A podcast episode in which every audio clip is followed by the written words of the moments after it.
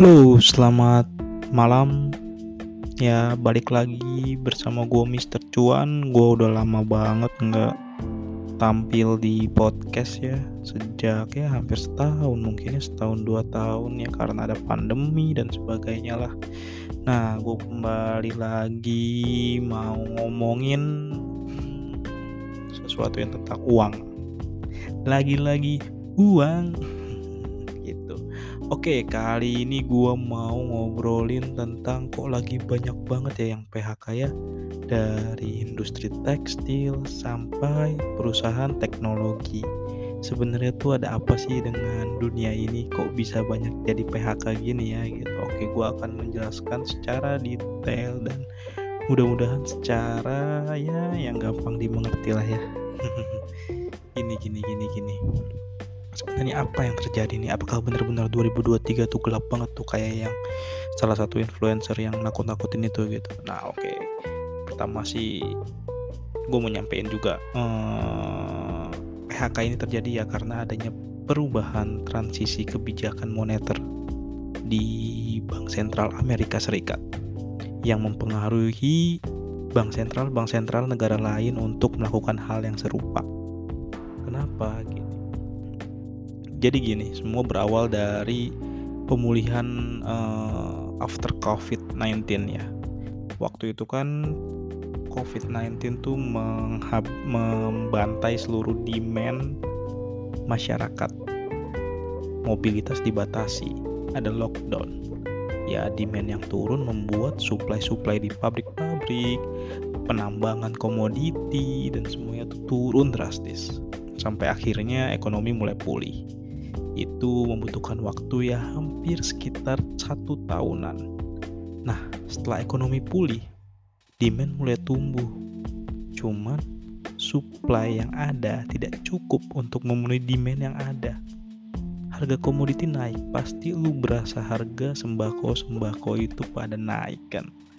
Apa rasanya kok bisa nih naik-naik ini gara-gara presidennya nih. Waduh, itu ada yang bawa-bawa presiden lagi kan. Bingung juga presidennya sebenarnya. Nah, hmm, di sini ketika ingin mengembalikan supply ini sulit ya mau nggak mau harga naik ya sesuai hukum ekonomi. Supply and demand supply sedikit demand tinggi ya harga naik gitu.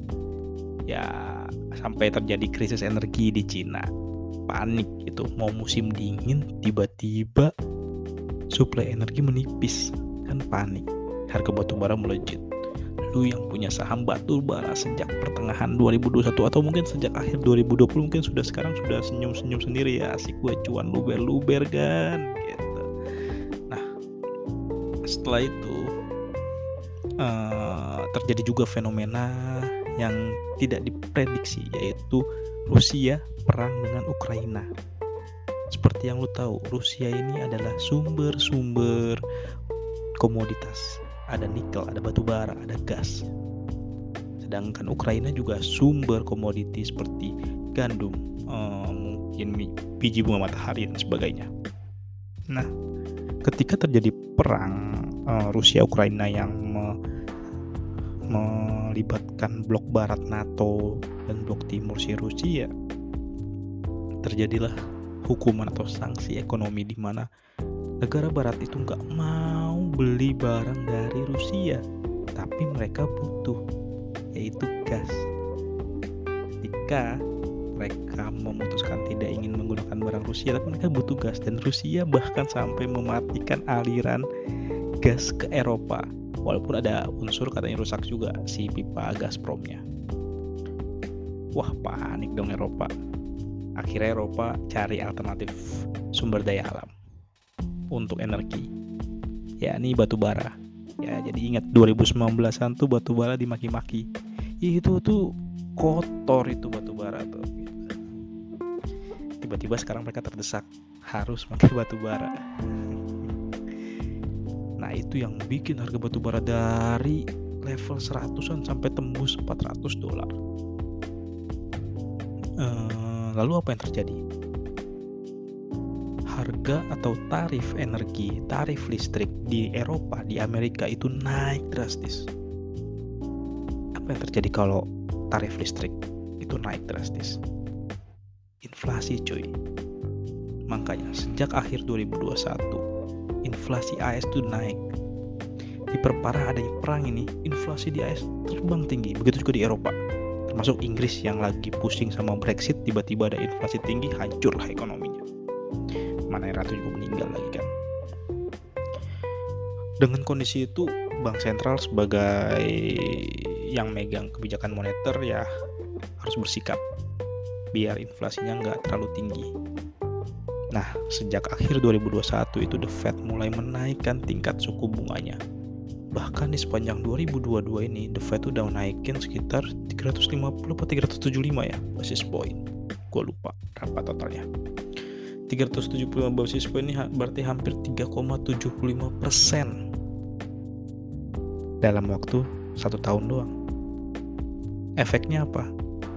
Kalau suku bunga The Fed naik, berarti kupon obligasi US juga bagus.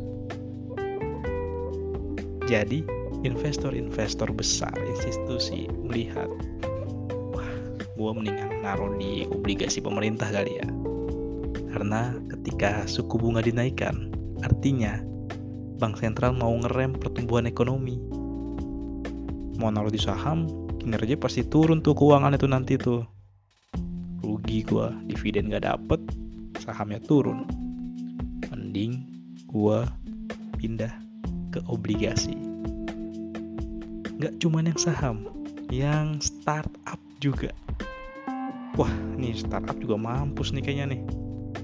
Ekonomi melambat eksponensial omsetnya turun ntar nggak eksponensial lagi. Eksponensial tuh yang tumbuhnya tuh di atas 100% ya udah deh gue stop dulu pendanaan ke startup.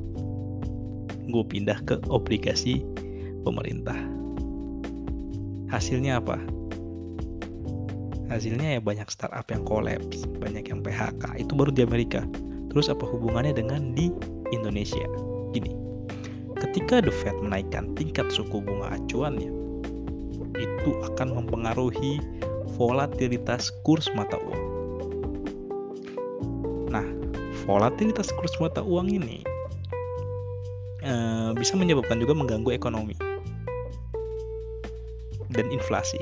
Misalkan The Fed dengan suku bunga rupiah melemah, makanya kemarin dari 14.000 sekarang 15.700. Efeknya apa?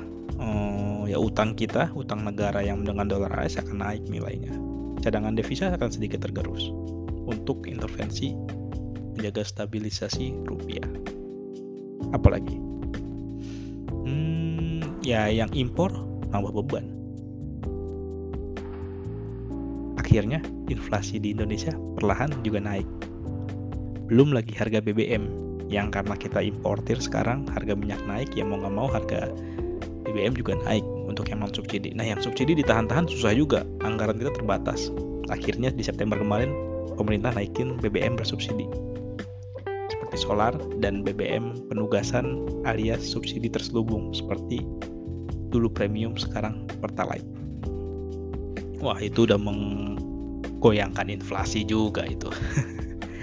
nah, Bank Indonesia merespon juga nih dengan kurs mata uang yang volatil banget karena The Fed naikin suku bunga.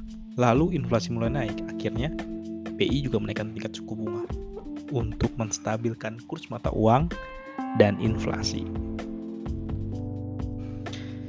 Efeknya apa lagi? Ya sama. Orang-orang mulai menghindari yang beresiko sebenarnya. Big fund mungkin lebih oh, oke, okay, gua akan mungkin masuk ke saham defensif, gue akan masuk ke obligasi pemerintah yang mungkin yieldnya akan naik. Ya kayak misalkan kemarin aja yang SBN retail, ST udah 6% daripada gue taruh di saham yang mungkin cuannya juga nggak besar-besar banget dengan kondisi saat ini kecuali gue masukin di saham gorengan mendingan gue taruh di SBN retail misalnya nah peralihan ini juga terjadi gitu. Dan nggak cuma di saham sama seperti di Amerika. Startup juga. Sedangkan lebih perihnya lagi kan startup startup di Indonesia hitungannya masih bocah ya. Di mana costnya gede banget omsetnya sih eksponensial. Cuman bebannya lebih eksponensial gitu. Ketika terjadi perlambatan ekonomi ya mereka juga nggak bisa apa-apa. Ya akhirnya mau nggak mau harus efisiensi dan melakukan PHK dan ada yang bangkrut juga. Tapi bagaimana dengan uh, perusahaan-perusahaan teknologi yang di yang sudah listing di bursa gitu seperti Goto, dia juga melakukan PHK kan dia sudah tidak tergantung dengan investor kata siapa? Bebannya gede banget Goto. Beban 30 triliunan. Omset cuma berapa? Jika dia ingin bertahan hidup ya dia harus melakukan PHK memangkas cost marketing. Makanya lu berasakan sekarang promo-promo tuh kayaknya dikit banget. Nah itulah yang terjadi. Terus kenapa perusahaan tekstil juga PHK perusahaan tekstil juga punya masalah yang lain sebenarnya. Berbeda dengan perusahaan teknologi yang terkait prospek bisnisnya melambat tapi bebannya tinggi. Kalau perusahaan tekstil ini lebih ke demand ekspornya yang turun sebenarnya. Ketika global bermasalah, demandnya turun. Kalau demand turun ya mau nggak mau dia harus mengurangi produksi dong. Untuk apa dia produksi kalau nggak ada yang beli? Ditambah harga bahan baku juga naik karena harga komoditas tinggi. Bebannya juga naik. Ya akhirnya dia efisiensi terus apakah ini pertanda buruk uh, overall ya uh, kalau menurut gue pasti ada impactnya ke pertumbuhan ekonomi di kuartal 4 2022 dan di 2023 karena bakal ada banyak pekerja-pekerja yang daya belinya turun buying powernya turun masalahnya adalah ketika mereka di PHK siapa yang akan apakah ada mereka mendapatkan pekerjaan dalam waktu singkat sehingga mereka bisa mempertahankan daya belinya di sisi lain, pemerintah ngasih bansos juga ke menengah yang bawah. Dan itu juga nggak seberapa, cuma 600 ribu untuk dua bulan. Itu untuk kompensasi kenaikan harga BBM juga. Nah, yang gimana nih yang di PHK nih? Pasti akan mempengaruhi PDB karena mayoritas PDB kita didorong oleh konsumsi rumah tangga. Nah, apakah kita akan resesi? menurut gue sampai resesi enggak sih ibaratnya yang di PHK 10 ribu sedangkan di Indonesia masih ada ratusan juta orang efeknya nggak terlalu besar cuman kalau dibiarkan bahaya apalagi jika orang-orang di PHK ini punya tingkat konsumsi pay letter yang tinggi itu bisa mempengaruhi ke industri pay letter gagal bayar. Kalau gagal bayar efeknya si pay letter dapat uang dari mana? Dari investor. Nah investor juga dapat uang. Itu jadi sistemik cuman gue nggak tahu seberapa besar. Ya jadi itu sedikit sih cerita. Tentang ada apa sih dengan uh, ekonomi sekarang?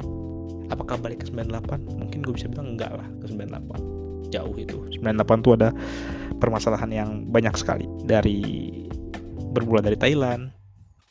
Terus sistem uh, kurs mata uang yang dulu masih kalau di Indonesia masih pakai uh, manage floating rate artinya dikasih rentang. Jadi nggak terlalu fluktuatif cuman ngabisin devisa.